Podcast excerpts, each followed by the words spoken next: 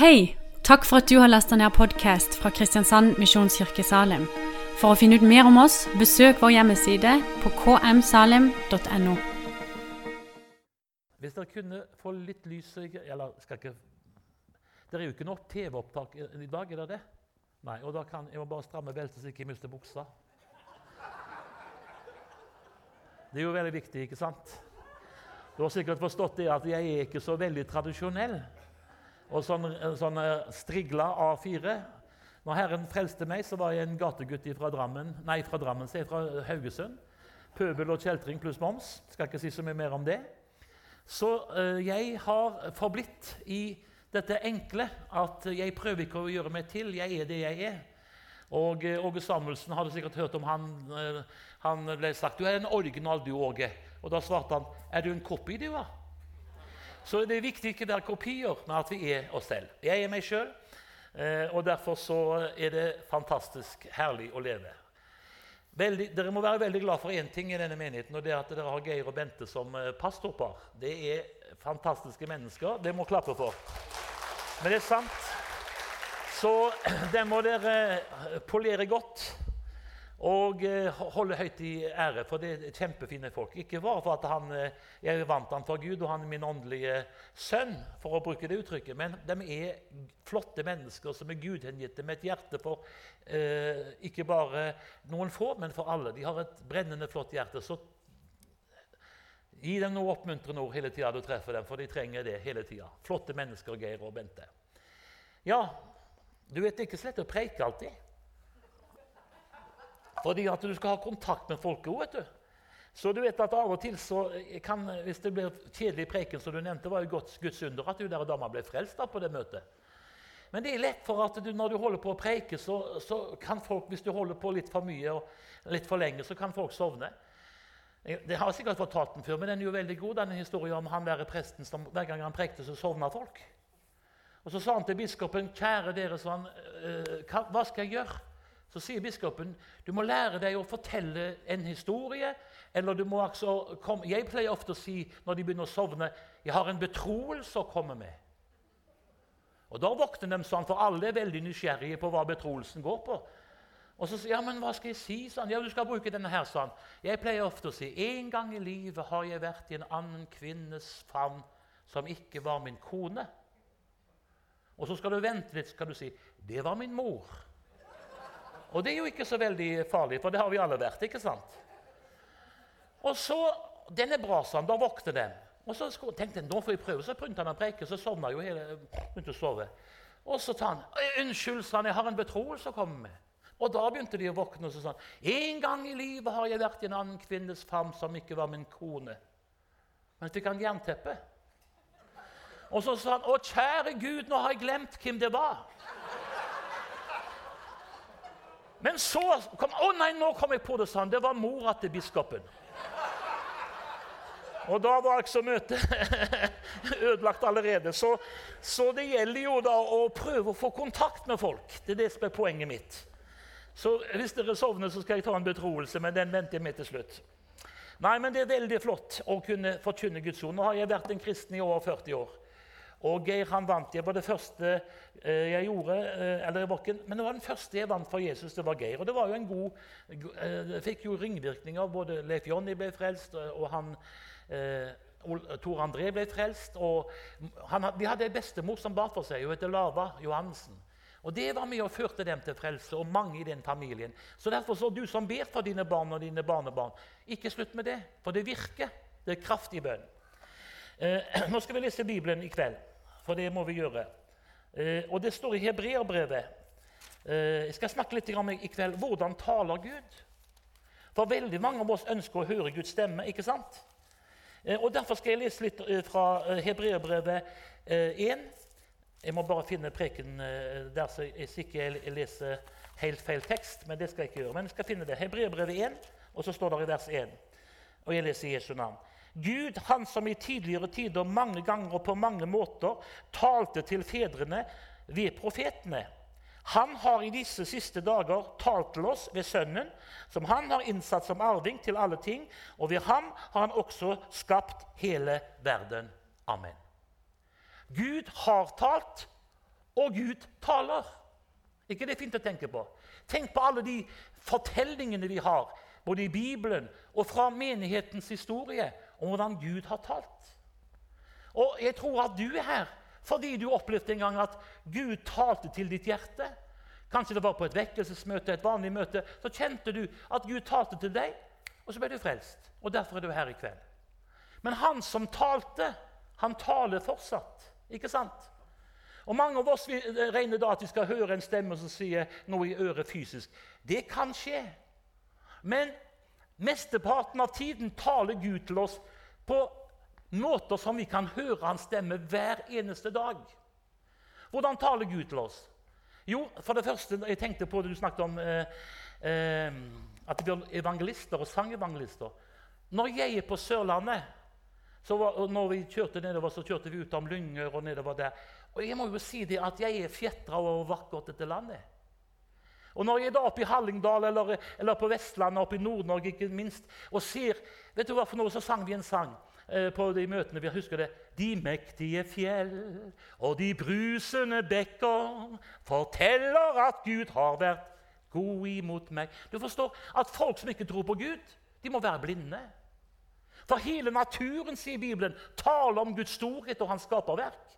Så naturen taler. Men det som er enda mer konkret, det er det at Gud taler til oss ved sitt ord. Altså, vil, Kan vi forsterke opplevelser og være på Toronto han, eller Pepsi Cola, som han sa? Han trodde han måtte jeg husker det var Pensacola en stund. og så sa han, Må jeg reise til Pepsi Cola for å møte Gud? sa han. Jeg har jo sukkersyke, så han syntes at det var veldig vanskelig å, å, reise til Pepsi Cola. da, Men det var jo ikke Pepsi Cola, men det var Pensacola. ikke sant? Borti Amerika. Men altså, uansett hvor sterke opplevelser vi har hatt i vårt liv, så er det noe som er viktigere enn alle opplevelsene. Vet du hva det er for noe? det som står i. Guds ord, Når du åpner Bibelen hver dag og leser den, så taler Gud til deg. Han taler til deg igjen. Jesus sa, 'Jeg har gitt dem ditt ord'. Derfor så må jeg si det, i denne tiden vi lever, så det er en kamp om Bibelens troverdighet. Mange sier men det er en gammel bok. Nei, du min venn, det er en bok som er aktuell. Hele tida er Guds ord aktuell. Når du er i nød, og du trenger et nummer å ringe, og du går inn i en, du, du, du finner en, en, gammel bok for eksempel, som forteller om et telefonnummer, så spør du ikke om den boka er gammel eller ny. Det som du spør om, om det virker. Og Guds ord det virker i alle generasjoner, til alle tider. Gud taler. Og jeg for å si det for rett ut, jeg er så glad for det som har holdt meg i live gjennom disse 40 åra som kristen. Det er at jeg har et forhold til Bibelen. Jeg leser den hver dag, og jeg kjenner du, jeg, jeg åt ditt ord, og det ble meg til hjertets glede. Jeg, jeg elsker Guds ord. Vel, jeg er glad i opplevelser, men det er noe som er viktigere enn opplevelser. Det er det profetiske ord. Dess fastere har vi det profetiske ord. Derfor må du tro, tro, på det som står i boka her. Ikke blant de som ja, men det er jo gammel bok. Langt ifra. Når Bibelen sier ting, så skal du tro det. Og jeg sier som hun gamle dama på Sørlandet. Hun, journalisten spurte henne ja, tror du virkelig på det som står i Bibelen. Ja, det gjør jeg, sa hun. Ja, Tror du virkelig på at Jonas ble svelget av en hval? Ja, det tror jeg på, sa hun. Og hadde det stått at Jonas svelget hvalen, så hadde jeg trodd det også. Bare det står i Bibelen, sa hun. Og det er jo den, That's the right attitude. Halleluja. Det er den riktige holdningen som vi skal ha når det gjelder det å tro eh, Guds ord. For himmel og jord skal forgå, men de ord som jeg har talt til dere, skal bestå i evig tid. Du kan ikke bygge dine, eh, din frelse og ditt, hva skal jeg si, din framtid på følelser. Men du kan bygge på det som står i boka. Halleluja. Du kan bygge på at himmel og jord skal forgå. Og nå er jo en, blitt en gammel, kjent salme som er mer aktuell enn noen gang. Himmel og jord skal brenne, høyder og berg forsvinne. Men den som tror, skal finne. Løftene, de står fast. I denne tiden som vi lever, så skjer det jo midt foran våre øyne. Så Gud taler ved sitt ord. En annen ting jeg skal bare nevne, jeg kan ikke gå inn i detaljer her, men bare en, en annen ting der Gud taler. Vet du hva Gud taler til deg fra? For så høyt har Gud elsket. Presis. Gud taler til oss gjennom Jesus. Og mange sier 'Kan Gud elske meg?' Se til Golgata. For det beviser så høyt er du elsket at Gud sparte ikke sin egen sønn, gav han for oss alle. Og Da Jesus hang på korset, så var det ikke naglen som holdt han fast, men det var den evige kjærligheten han hadde i sitt hjerte for at du en dag skal vandre med ham på gater av gull. For da Jesus hang på Golgata, da tenkte han på meg. Ja, da Jesus gikk til korset, da tenkte han på deg. Du hører, min venn, Det var derfor at Jesus hang og tok synden, straffen, dommen på seg for at hver den som tror på ham, ikke skal fortapes, men ha evig liv. Glorificados el nombre de Cristo. Det var ikke tungetale, men det var spansk. halleluja. Så du forstår det, min ja, men du som kan spansk, du kan bekrefte det. Altså, Det er sterkt å tenke på at Gud taler til deg. Og vet du hva for noe? Vi sang her bare på grunn av din nåde, bare på grunn av ditt blod. Vet du hva for noe? Blodet det taler. Det står om vi er kommet til oversprengningens blod, som taler bedre enn Abels blod. Abels blod ropte til, til Gud om hevn, for Kain drepte Abel. Men da Jesus utgjøt sitt blod på korset, så taler det blodet om tilgivelse, renselse, evig frelse, rettferdiggjørelse. Halleluja. Alt som du trenger for tid og evighet, alt som du trenger herfra til evigheten, har du i det som Jesus gjorde for deg på Golgata kors. Nå hadde du en kjempeanledning til å si 'glorificado selv nombre de Cristo', men du, du kan få en anledning litt senere. Tenk du, min venn, at Jesu Kristi verk på korset taler inn i mitt liv. Hver morgen når jeg våkner, så vet jeg at nåden strømmer fra korset ned.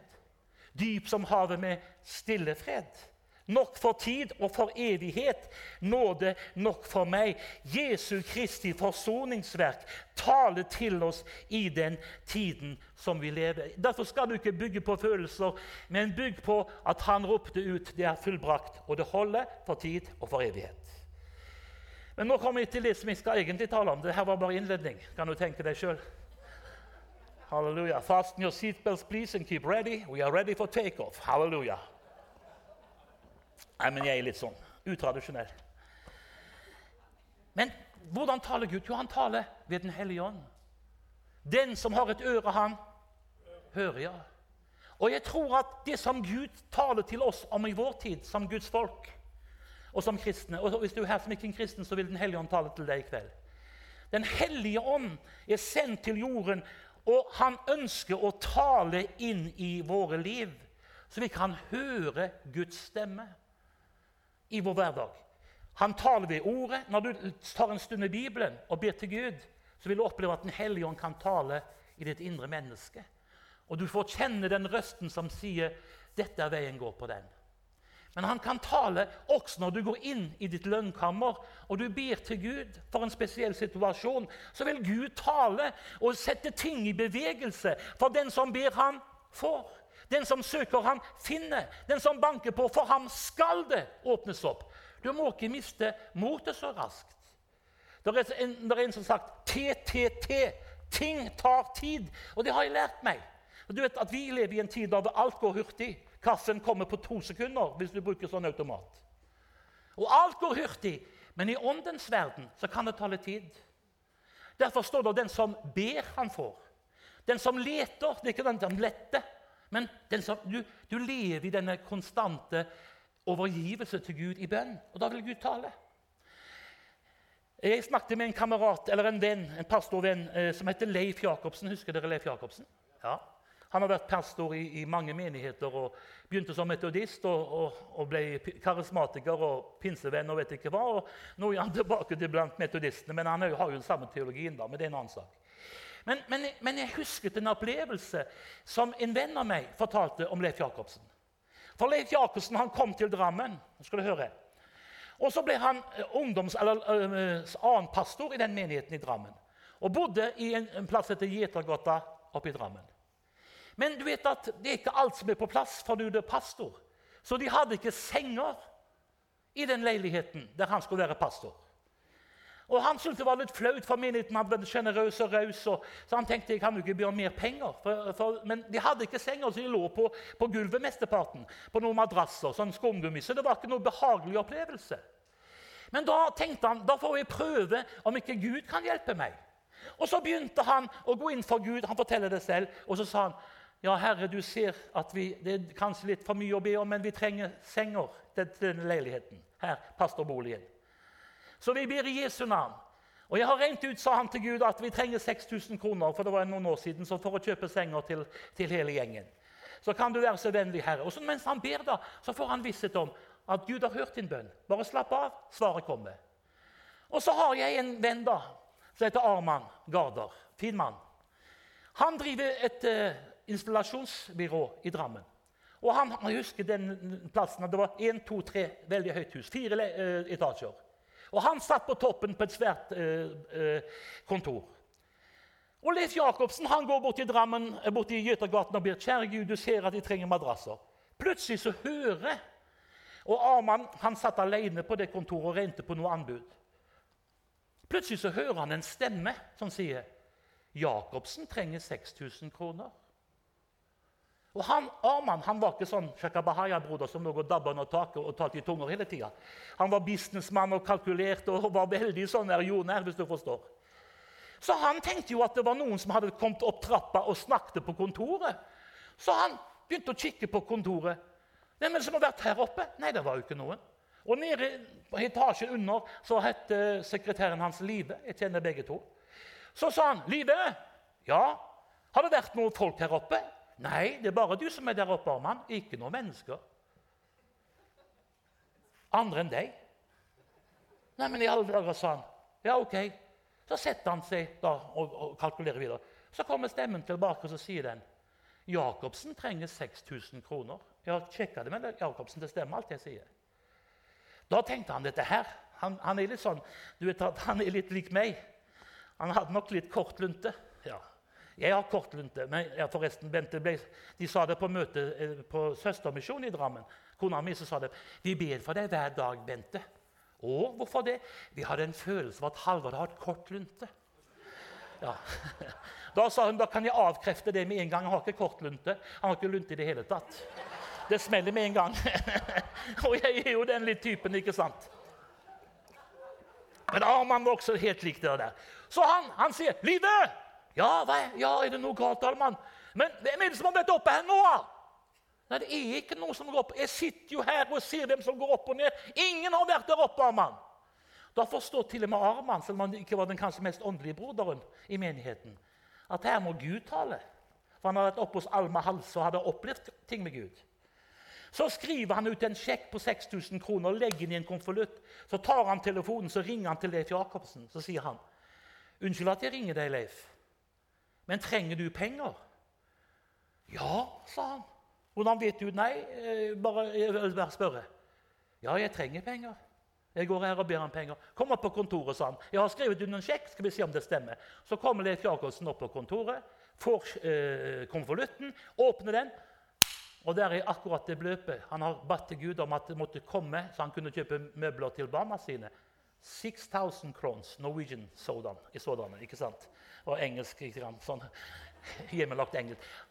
6000 kroner. Hva er det for noe, dere? Jo, det er, er connection, det er samarbeid mellom Guds verden og vår verden.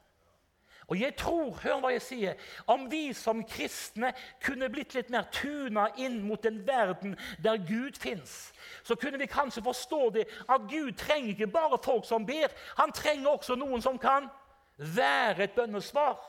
Og Det er der Gud ønsker å få sitt folk i tale i den tiden vi lever. For det fins tusenvis av mennesker i denne byen Kristiansand, som er i stor nød, og som trenger en hilsen fra himmelen. Og da trenger, sender ikke han overengelen Gabriel. vet du. Vi har jo tendens Herre, går på besøk til våre naboer. Herre, send dem ut på gata. Englene dine. Herren har ikke sagt at englene skal han bruke. Han har sagt du skal gå og være et redskap i min hånd. Så Derfor er det viktig å tune inn og høre. Jeg har ikke hørt Gud snakke på den måten som Arman. Og jeg tenkte, det, tenkte, at Gud kunne tale til en sånn materialistisk businessmann som altså ikke, si, jeg ikke, Han talte ikke tunga hver eneste dag. Han altså. Han var jordnær. Men Gud forstår du, han kan bruke hvem han vil, når han vil ha sine planer gjennom. Og Derfor er det så viktig at vi forstår at Gud han taler i den tiden vi lever. Og det er viktig at vi kobler oss på Gud, og at vi begynner å si, 'Herre, her har du meg. Send meg.' Hadde ikke, å si, Når jeg ble frelst, Jeg har jo sikkert fortalt det før, det, men det er klart det. Jeg visste ikke at Geir var kalt av Gud. Jeg, hadde ikke den tanken i det hele tatt. Men når jeg gikk ned den trappa på den skolen, og jeg så den unge, eh, lyshåra mannen, gutten, stå opp ut forbi der, så, tenk, så sa Den hellige ånd til meg, 'Gå bort og spør han, vil du bli frelst?' Og Jeg visste jo ikke at han hadde vært på alle de kristne møter som fins i Haugesund. Og eneste han lengtet etter, var at noen skulle spørre ham, du bli frelst. Men den tirsdagen eller den dagen han ble frelst, hadde han sagt til Gud hvis du finnes der ute, så er det denne siste anledning. Send noen til meg som spør meg konkret vil du bli frelst. Det visste ikke jeg. Men han som vi har kontakt med, han visste det. Halleluja. Og det er det som er hemmeligheten. Hvis vi kobler oss på han, så vet han alt. vet du. Alt er nakent og bart for hans åsyn som vi har med å gjøre. Så tenk hvis vi kunne som Guds folk i denne tiden her Vi ber ofte om vekkelse, men du forstår det, min venn, at vekkelsen kommer når vi sier 'Herre, kan du bruke meg?' Ja, men jeg våger ikke gå på gata. Ikke tenk på hva du skal. Bare begynn å lytte til Guds stemme, så vil du oppleve at han vil lede deg i ferdiglagte gjerninger. Geir ble frelst. Radikalt frelst ble han. Halleluja.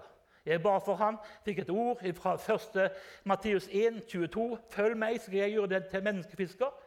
Jeg visste ikke hvorfor jeg fikk det ordet, men jeg ga deg det. Og hva ble du? Du ble menneskefisker. For du forstår Gud, han står, Da du var et foster, så jeg deg. Og i min bok ble alle dine dager oppskrevet før en av dem var kommet. Gud vet alt! Og han ønsker at vi skal koble inn hos han, sånn at vi kan være sendebud i Kristi sted. Kan du si amen til det? Det var fint. Halleluja. Derfor er det viktig at vi hører Guds stemme i den tiden som vi lever. Fordi Gud vil så gjerne tale til oss og føre oss på sin vei. Og Jeg vet ikke hvilket behov du har i kveld, men du forstår Gud kjenner det behovet du har, og han kan tale til deg. For noen uker siden var jeg oppe i Ålesund sammen med noen mennesker. Og så snakket vi om Guds gjerninger. Det er så fint å styrke hverandre på Guds gjerninger. Og Hun dama som jeg snakket med, hun heter Perdi. Hun kom fra eh, Godøya, rett utenfor Ålesund. Og Hun hadde en historie som grep meg. For han hadde en far som lå på det siste. En voksen mann. Lå på sykehuset. Og du vet, Når du blir gammel og skrøpelig, så kan du av og til føle på at ikke du strekker til. Så han lå der i senga, han var fra Indremisjonen, og så sa han, 'Kjære Jesus' Jeg vil nå tilhøre deg og, til, og, være ditt barn, men jeg føler meg ofte så ring og så svak at ja, jeg vet ikke hva jeg skal si. Jeg er kanskje ikke god nok. Mens han ligger der og snakker på den måten der, så hører han plutselig, og han lå på enerom, en stemme som sier høyt Min nåde er det nok. Det verket jeg har begynt, vil jeg fullføre. Og Da var indremisjonsmannen løst i et nu. han vet du. Da lå han der og halleluja, kakla i ånden holdt på å og prisa Gud. Fordi han fikk høre at Gud talte til ham. Tenk hvis vi kunne stille hjertet litt mann til Guds disposisjon, så han kunne, kunne høre hva Herren har å si. For Gud vil tale han. Og han taler til mennesker. Og det er så viktig. For eksempel Bent og meg vi var, uh, i, kom i, i, i, dag eller søndag. I går var det lørdag. ikke sant? Ja? Ikke, jeg må bare slik jeg surrer meg helt bort her. Men vi har jo også, det å være predikant det vil ikke samme si at alt er bare sjekke bahaya og halleluja. Det er dager som er tøffe og vanskelige for oss alle. Og Da er jeg så glad for at nåden holder. Og Så har vi en datter da, som heter Hanna. Hun er veldig god. Hun er herlig frelst, men har en del utfordringer. Og I går så hadde vi sagt om det, at nå må vi be for henne. nå må vi virkelig be for henne, eh, for hun hadde en utfordring. kan ikke gå inn på detaljer der. Og Så var vi på en kafé her nede i Markens gate. Bente som, som damer flest kunne kikke på noen forretninger og se på noe billigsalg på klær. og du vet, Disse søstrene de er jo ganske holdt på å si, hengitt til Ikke rart vi får mye klær, for alle damene går på klesforretninger på salg. Men så gikk vi inn på den der, og mens jeg står der i kassa, vet du, så hører jeg jeg skal betale for kaffe og et rundstykke. Skal jeg betale for det, Halvard? Og jeg tenkte, kjente, jeg tenkte det var veldig var frimodig han. Så sier jeg Å, er det deg, sier jeg. Så var det en som heter Frode, en flott mann. Dere kjenner han, noen av dere. Frode Lindgren, flott kar. Er det deg, Frode? sa jeg. Kjente deg ikke igjen. Syns du ble så mye tynnere. Ja, jo, det er meg, sa han. Nei, sier de, vi betaler sjøl. Og Så kjøpte han sitt sammen med barnebarn, satte seg bort på en stol. og Så kjøpte vi vårt, og så gikk vi bort på stolen. Og vi hadde ikke sagt til han at vi trengte forbønn for, for dattera vår. Men så sitter vi der og snakker litt om Guds nåde og, og, litt forskjellige sånn gode ting. Så plutselig sier han nå føler jeg at vi skal be til Gud for dattera deres. Jeg ble så minnet på at vi skal virkelig be til Gud for henne. Og han vet ikke at hun er på audition inne i Oslo i et teateropplegg der. Det vet ikke han noe om. Jeg ble så minnet på at vi må be for dattera. Skal vi ikke be med en gang? Og så ber vi til Gud. Og Det er klart at det er ikke mange som kanskje ber på en kafé, men hvorfor ikke? Muslimene de går på kne, og de ber overalt. Kjører de taxi, så stopper de taxien og drar fram bønneteppet sitt og, bøyer seg ned. Det er på tide at vi som Guds folk begynner å forstå at vi kan jo be til Gud overalt. Han er jo ikke bare på, uh, på møte, han er allestedsnærværende. Og Så trenger du ikke å gå opp i fistel og rope halleluja og shaka bahaya, og, så folk tror at du har klikka totalt. Det går an å be en stille bønn, for Herren ser til hjertet. Halleluja. Vet du, Frode han satt der så fint, og, og så ber jeg for Hanna. og Du må styrke henne. og La henne få et sånn adrenalinkick. og Hun hadde fått annen dose på den og var skikkelig nede. Den, men plutselig så ber han at Gud må la det lykkes. Og så kommer hun tilbake og sier at det var fantastisk på audition. Og vi vet jo hvorfor det. Jo, fordi at Frode han ba til Gud for henne inne på kafeen. Og jeg knepte hendene og ba til Gud der. Og, og, det var stille, flott bønn. var ikke noe, Det satt noen på det bordet, de kikka litt spesielt, og jeg bare nikka til dem. Og så da vi var ferdig da, så sto det tre fine jenter der som sier Ja, sier Det var fint, tre fine jenter. Ja vel, sier Tror du, Er dere søstre? Ja. Må Gud velsigne dere. Takk, sa de. Du forstår at folk lengter etter det vi har. Og hvordan skal de få tak i det hvis ikke de skal se Guds herlighet gjennom våre liv? For du forstår, Det er ikke Abraham og Isak og Jakob som kommer ned, men det er jeg holdt på å si, Ola, Per og Geir og Halvard som Gud kan bruke den tiden. Bare vi begynner å høre hva Den hellige har å si. For det finnes så mange som ber, og Gud trenger den, kombinasjonen av mennesker som ber, og folk som Ikke sant? Og så Jeg ber om alt, jeg. En predikant jeg møtte på, så sa jeg, du høres veldig forkjøla ut, broder. Er du, er du sjuk? Han var veldig syk. Skal jeg be for deg? Jeg var jo dum nok til å spørre. Nei, han brøyker vår Herre med slike småting. Da sa jeg til han, ja, ja, jeg, hvis du er i den kategorien, så får du bare være syk. da, sier. Gud velsigne deg. Og så gikk jeg. Halleluja. Men jeg er blant de som ber om alle ting. For det står i alle ting. Hvis vi kunne lært oss det at Gud han er ikke langt borti hytta heiti, han er nær hos alle som kaller på ham i sannhet. Han er ikke langt borte fra deg heller. Han ser det om du så deg på sykehuset som denne gamle mannen på Godøya i Ålesund. Så ser han deg, og så sier han, 'Min nåde skal fullføres og, og i din skrøpelighet, for min nåde er det nok.' Jeg ser deg, sier Herren. Jeg kjenner deg. Jeg vet om de utfordringer du har, den sykdom du bærer, de prøvelser som du har. Men jeg er ikke en fraværende Gud. Jeg er en Gud som har kommet nær til. For med evig kjærlighet har jeg elsket deg. Og jeg har tanker ikke til ulykke, men jeg har tanker til framtid og håp for deg. For i begge mine hender har jeg tegnet deg, kalt deg ved navn. Du er min. Guds ånd, han taler. Derfor taler Gud i vår tid, og vi må komme på linje med Han ved å leve i ordet og i bønnen. Og da kan vi bli halleluja, mennesker som hør hva jeg sier til deg, kan være bønnesvar på de menneskene som ber til Gud. Ikke vet jeg hva de ber om alltid, men Gud vet om det. Halleluja. Skal dere glemme en mann vi hadde i Drammen? Han heter Petrus. Og grunnen til han heter Petrus han var, Jeg traff en annen fra Iran her. Er du her? Du er fra Iran? Heter han for noe, han som var fra Iran? Kristian. Jeg ser han ikke her. Men glem nå det. Der er Kristian. Halleluja. Nå våkner han, skal jeg si deg. Halleluja. Praise God. Han, ligger, han, er, si, for, han er, bak forhenget. Forhenget har brystet, kom fram. Nei da. Men i alle fall, nei, det er bare tullet. Bare sitt der, du, Kristian. Eh, men skal du høre, han Petrus han var muslim fra i, i, i Iran. Og så når han ble kristen, der begynte de å forfølge ham. De brant han med, med, jern for å få han til å fornekte troen. Men så flyktet han til Norge, og så ble han en kristen. eller har blitt en kristen, Så sa han jeg vil ha kristent navn. Og Kristian het ikke Kristian når han kom hit. vet du. Han het noe annet. Han fikk et nytt navn. Christian. Christian, ikke sant? Så han, jeg vil hete samme som Peter. Jeg vil hete Petrus. Og Han var en fin mann. Han ba alltid til Gud. Fantastisk kar. Det var en dame en gang som ble slått ned av lynet og lå oppe på Konnerud og holdt på å dø. at Lynet slo ned i henne. Da ble Petrus vekka og, og, og ble, sa å, jeg har bedt for deg hele dag. Jesus talte til meg jeg måtte be for deg du ikke skulle dø.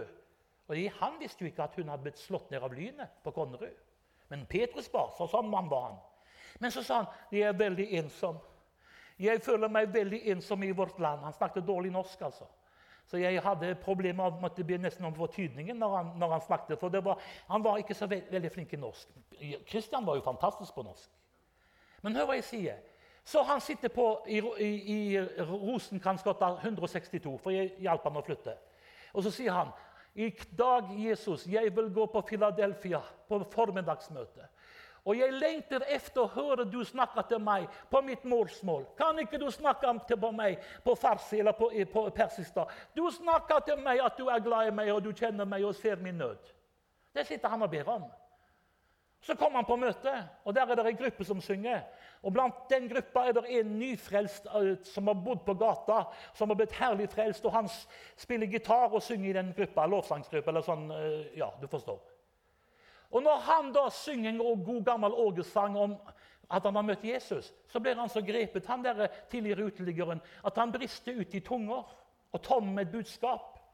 Og så er det en som var på møte der som heter Jon Martin Øverby. du kjenner Han Han reiser seg opp og så kommer han med tydningen. Og Så kommer det en ny periode og så kommer han med én tydning. Men da skal jeg si det ble liv i Petrus. Han, nesten, han, var liten, men han sto på stolen, så peker han så sier han, 'Den mann, han snakker til meg!' Så pekte han på han som hadde kommet med tydningen, sånn, og han forsto alt sammen. det han ville si, det var at det budskapet som kom, det var på flytende persisk og farsi. Og at John Martin hadde en perfekt tydning på det budskapet.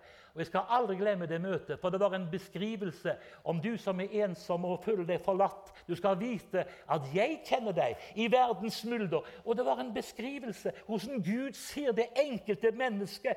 Og jeg grein når jeg hørte han fortelle. Og jeg skal si deg at Petrus han svinger seg ut fra lokalet og sier, 'Jeg vet at Gud har hørt min bønn.' Halleluja. Han snakker til meg på mitt morsmål. Og det var der en pinsesøster da, i menigheten i Drammen som sa sånn hadde jeg aldri opplevd. At du skulle kritisere det da, at han fortalte om det. Så sa jeg til henne, 'Har du noen gang bedt om det?' da, sier Nei, det hadde hun ikke. Nei, da får du som du ber, sier Ja, men det er sant, det. Dere har ikke for dere Presis. Du må be. Det er faktisk talt sånn det er. at du må, du må du, der er, en, det er lover i åndens verden og er lover i den fysiske verden. Den som sår, får høste. ja. Den som ber, han Du må be. Det detter ikke huet på deg. Unnskyld uttrykket. Må, du, du, må åpne deg. Det var en dame på, det var fra Moi her, som jeg snakket med før i dag. Du kjenner ikke hun herre her, men hun var på et møte, og hun så ut som hun hadde sugget på sitroner og drukket eddik. Hun så ut som den sureste du kan tenke deg. Og så var jeg på møte. Jeg er jo fri og frank. sant? Jeg sier det som det. Så sa hun nå priser vi Herren. Løft i våre hender og priser Gud. Så kom hun til meg etter møtet og så sa hun, ingen skal lære meg og altså befale meg å løfte hendene og prise Gud. sa. Jeg gjør det når jeg vil, og jeg vil ikke gjøre det på din kommando. Og hun var så sint på meg. Og det er klart at jeg var nok ikke helt pen. Eller jeg var ikke pen, det er ikke det, men jeg var kanskje ikke helt snill. Men, men jeg mente det jeg sa. Men så gikk det noen møter, da. Så kom jeg på neste møte. Da så jeg den samme dama du, stå med oppløftede hender. Og tårene rant, og hun talte i tunger og prisa Gud. Og så sier, og da kunne ikke de med etter møtet og si du får unnskylde meg, sier men, men hva som skjedde i, i dag, da? sier Å, Hassel, tilgi meg, jeg var altfor hard mot deg. Men Gud sa til meg på møtet Tror du du får noe som jeg sa? Du som er så sur og negativ og gretten og står der med knepte hender. Jeg misforstår meg rett, men jeg bare forteller hva hun opplevde. Skal du få noe hos meg, så må du løfte begge hendene sånn. sånn. Hvorfor det, da, sa hun. Jo, for da får jeg trakt og fylle. Halleluja. yes! Og så gjorde hun det. Jeg hadde ikke bedt, jeg hadde aldri våget å si noe sånt. Men hun gjorde det på Herrens befaling. Da døpte Gud henne i Den hellige ånd og kraft. Jeg skal si deg en ting. jeg. Du trenger ikke gjøre det der. Ikke misforstå. Du får gjøre det på din måte. Men det er viktig at vi er åpne for det kommer aldri noe i en lukket favn. Du må åpne deg. Og når vi åpner oss, så er ikke Gud langt borte. Han er nær hos alle som kaller på ham i sannhet. Og om vi kunne høre Guds hellige ånds stemme og være lydige mot det som Gud kaller oss til. For hør hva jeg sier til deg. Menneskers frelse og menneskers forvandling ligger i dette at vi hører og vi lyder. At vi er lydige mot Herren. Og Derfor er det så viktig Hør nå, misforstå meg rett. Kanskje du føler deg eh, litt tråkka på tærne. Og så får være. Jeg er evangelist, og jeg, jeg er jo ikke pastor. Halleluja. Jeg kan si hva jeg vil. vet du. Geir han må være forsiktig. Han må jo passe på at det ikke kan tråkke noen på tærne, vet du, for da slutter dere å gi kollekten. Men jeg, jeg, har jo fått kollekten min. Halleluja! Og jeg er evangelist, så jeg knaller til og forteller sånn som Herren legger på hjertet. Så, så Geir han må være litt mer forsiktig. Så hvis du får problemer, bare snakk med Geir etter møtet. Men hør hva jeg sier til deg. Menneskers frelse og evighet og forvandling er avhengig av at vi som kristne Hør hva jeg sier, er lydige når Den hellige ånd minner oss. At vi hører fra himmelen. Og så sier du men det er ikke så lett. Jo, det står om du kan trene opp dine sanser til å skjelne. Altså, Hvis du ser på de musklene jeg har, så har ikke de kommet av seg sjøl. Den største muskelen er jo her, da. og den er godt trimma. ikke sant? Men forstår du, ser du en sprek mann, så har ikke det kommet dette i huet på ham. Da har vi De trener. I dag var vi på Konsmo. Du så disse her som sykla. Vi kjørte jo bil, men de sykla. Skal du bli i god form, så må du trene. Åndelig talt så må vi trene opp våre åndelige sanser, så vi kan skjelne og høre. Det står at vi skal overgi våre legemer som et Gud velbehagelig offer. Og da skal vi kjenne hva som er Guds vilje, det gode, velbehagelige og fullkomne. Det er så viktig at vi lærer oss forsiktig. Ikke begynn med de store tinga. Begynn med de små tinga. Og når du begynner i det små, så vil Gud sette deg over større ting. Han vil lære deg og vise deg den vei du skal vandre, og han vil gi deg råd ved sitt øye. Han vil bruke deg. Og han sier, 'Kom dypere inn i dobbeltbekken'. Det står om, du, om denne mannen med målesnoren. Han målte tusenmalen, og så vandra mannen etter. Og etter hvert så blir det dypere og dypere vann. Hvis vi får lov til å være lydige mot Den hellige ånds tiltale, så blir det mer og mer opplevelser. Sitter vi bare og venter på at det skal dette i huet på oss, så kanskje det ikke skjer så mye. Men når vi kan handle på det Den hellige ånd viser oss når vi leser Skriften, når vi ber, og så begynner det ting å skje. Og menneskers evige frelse er avhengig av det. Nå skal jeg fortelle en, en, historie til slutt. Veldig sterk historie. Som er sann. Alt det jeg sier, som jeg sa på et møte Nå skal jeg si noe som er sant. Som alt andre jeg hadde sagt ikke var sant i det hele tatt. Men du må bare ta det som det kommer. Denne opplevelsen var det en mann, eller en dame og en mann borte i, i Østfold som har opplevd det. Veldig sterk opplevelse som skjedde for ikke så lenge siden. Eller for noen år siden. Det var en businessmann som alle kjente, noen skikkelig kakse. Og han fikk alvorlig sykdom, kreft, for det kan jo komme til alle. Og han ble syk, og det var behandling. Og så begynte det å gå så dårlig med han at han havna på det, sykehuset som ligger borte i Østfold. Og ja, sånn var det. Og en dag så var, så var det eh, legebesøk. Og blant legevisitten så er det ei dame. Jeg kjenner henne. Fru Brenna heter hun. Så at du forstår at jeg snakker mennesker jeg kjenner. Og så skal du høre Hun står ved denne rike mannens eh, seng og hører legen si navnet på han. 'Dessverre, vi kan ikke gjøre noe for deg.' Og sånn som jeg sier det, sa legen, så har du bare egentlig noen dager igjen å leve. Vi kan ikke gjøre noe, dessverre, med det. Er, kan, ingen hjelp vil du få. Vi kan ikke gjøre mer. Fikk dødsdommen, altså. Mens hun står der når sykepleier, så gjør hun noe som kanskje ikke etter norsk loven har helt lov til å gjøre. Men hun gjorde det litt smart, for hun spurte kan jeg få spørre deg et spørsmål. Og hvis du spør et spørsmål, og de sier ja, da kan du få lov til å snakke. Hun ble minnet på å si til ham at han må tenke på sin sjel før han skal gå inn i evigheten. Så når legen har gått ut da, og, og legevisitten er over, så går hun tilbake og sier hun, kan jeg få spørre deg et spørsmål. Så sa han ja, du kunne det. Jeg hørte Jeg var jo her når legefristen gikk, sa hun. Og jeg hørte du fikk en trist melding. Men har du ikke tenkt på det at du kan ta imot Jesus før det er for sent? Så slipper du å dø uten fortvilelse. Så ser han på henne og så sier han, 'Takk for du spør meg det spørsmålet.' Jeg har tenkt mye på Gud. Det gjør alle mennesker.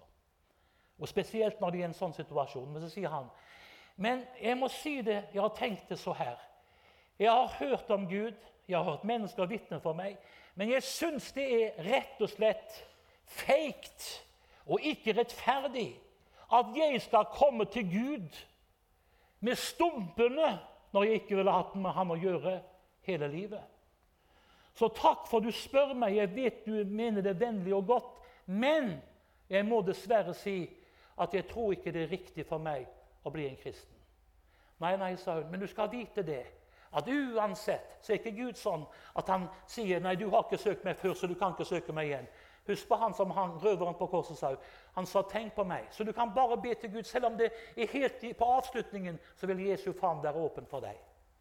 Hun var lydig mot det Den hellige ånd sa. Jeg sier ikke at alltid skal si sånt, men hun var mint, Gud minte henne på hun hørte Den hellige ånd si 'si det til ham'. Og så gikk det en dag og to, så ble det forverring. Og Da tilkalte de hele familien inn på sykeværelset og så sa de, nå det, går det mot slutten for pappaen deres. Så hvis dere vil se han for siste gang, så må dere komme. Og de kom. Og så har de farvel med han. Og så er det bare da sykepleierne som er der, og denne pasienten. Og så begynte dødspusten å komme. Nå skal du høre en sterk historie. Plutselig, idet de tenker 'nå dør han', så, er det som han ser noe. Idet han går ut av dette livet, så er det som han ser noe. Og han sier Jo, jo Nei, nei. Ja, ja. Dette sier han. Og folk tenker 'hva er dette her for noe?' Men nå skal du høre. Han dør ikke.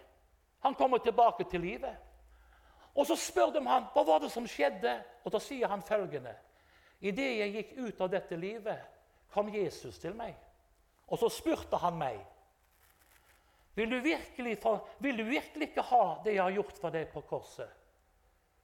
Og Jeg fikk helt sjokk, sa han, for jeg hadde ikke forventa det. Og jeg sa jo, jeg ville ta imot meg som din frelser her. Ja! Så du vil ikke fornekte meg? Nei! Og han kom tilbake, og så sterkt var vitnesbyrdet at til og med direktøren på det sykehuset han kom ned på sykeværelset og ville høre hans historie. For det ble et gjeteord på hele sykehuset hva denne businessmannen hadde opplevd. Og hør hva jeg sier til deg, så derfor sier Skriften, kast et brød bortover vannene, for i tidens kulde skal du finne det igjen. Det er viktig at vi er lydige når Den hellige ånd taler, for det kan bety liv og død.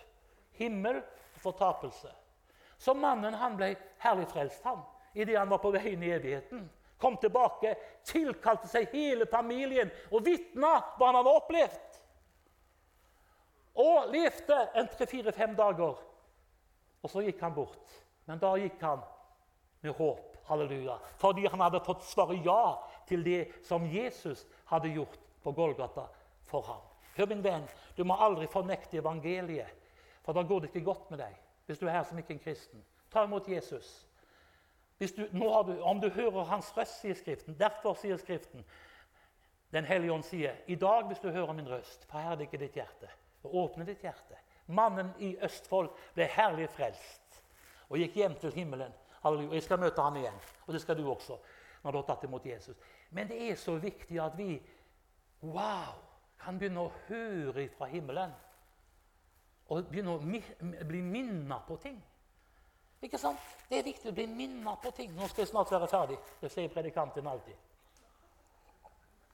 Jeg hørte om han der borte på, på, Vestlandet som sa at i dag har jeg preika lenge, sa han, for jeg har glemt klokka hjemme.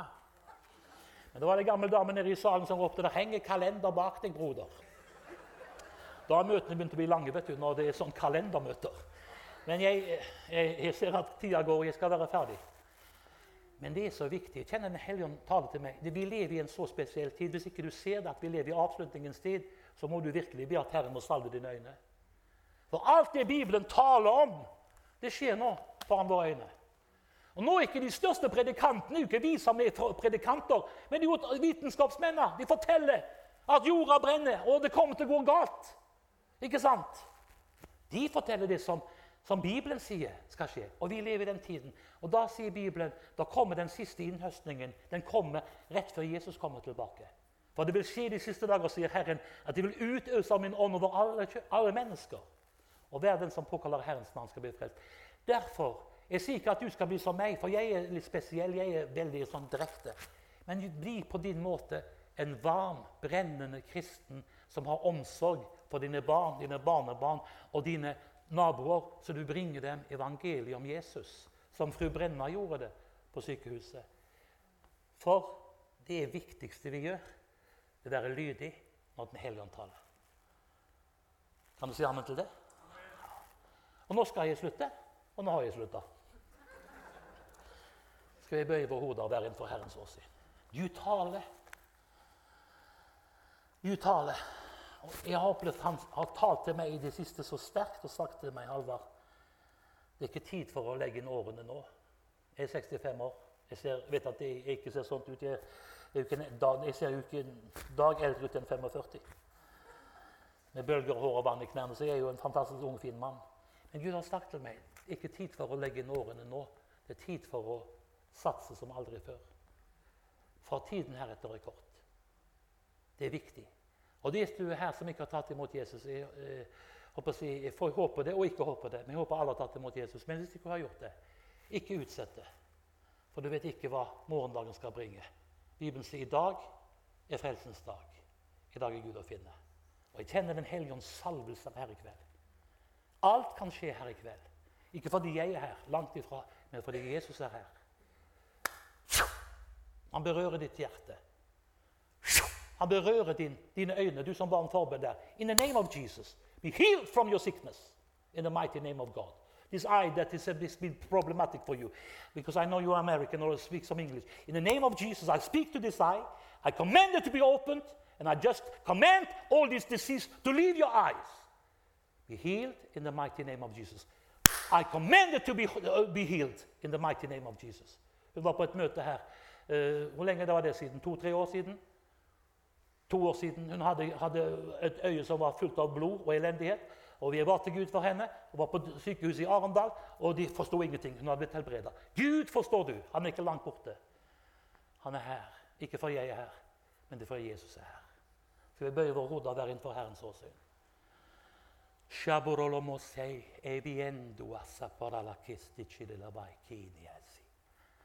Halleluja. Sibronia shendua pari sevemenike.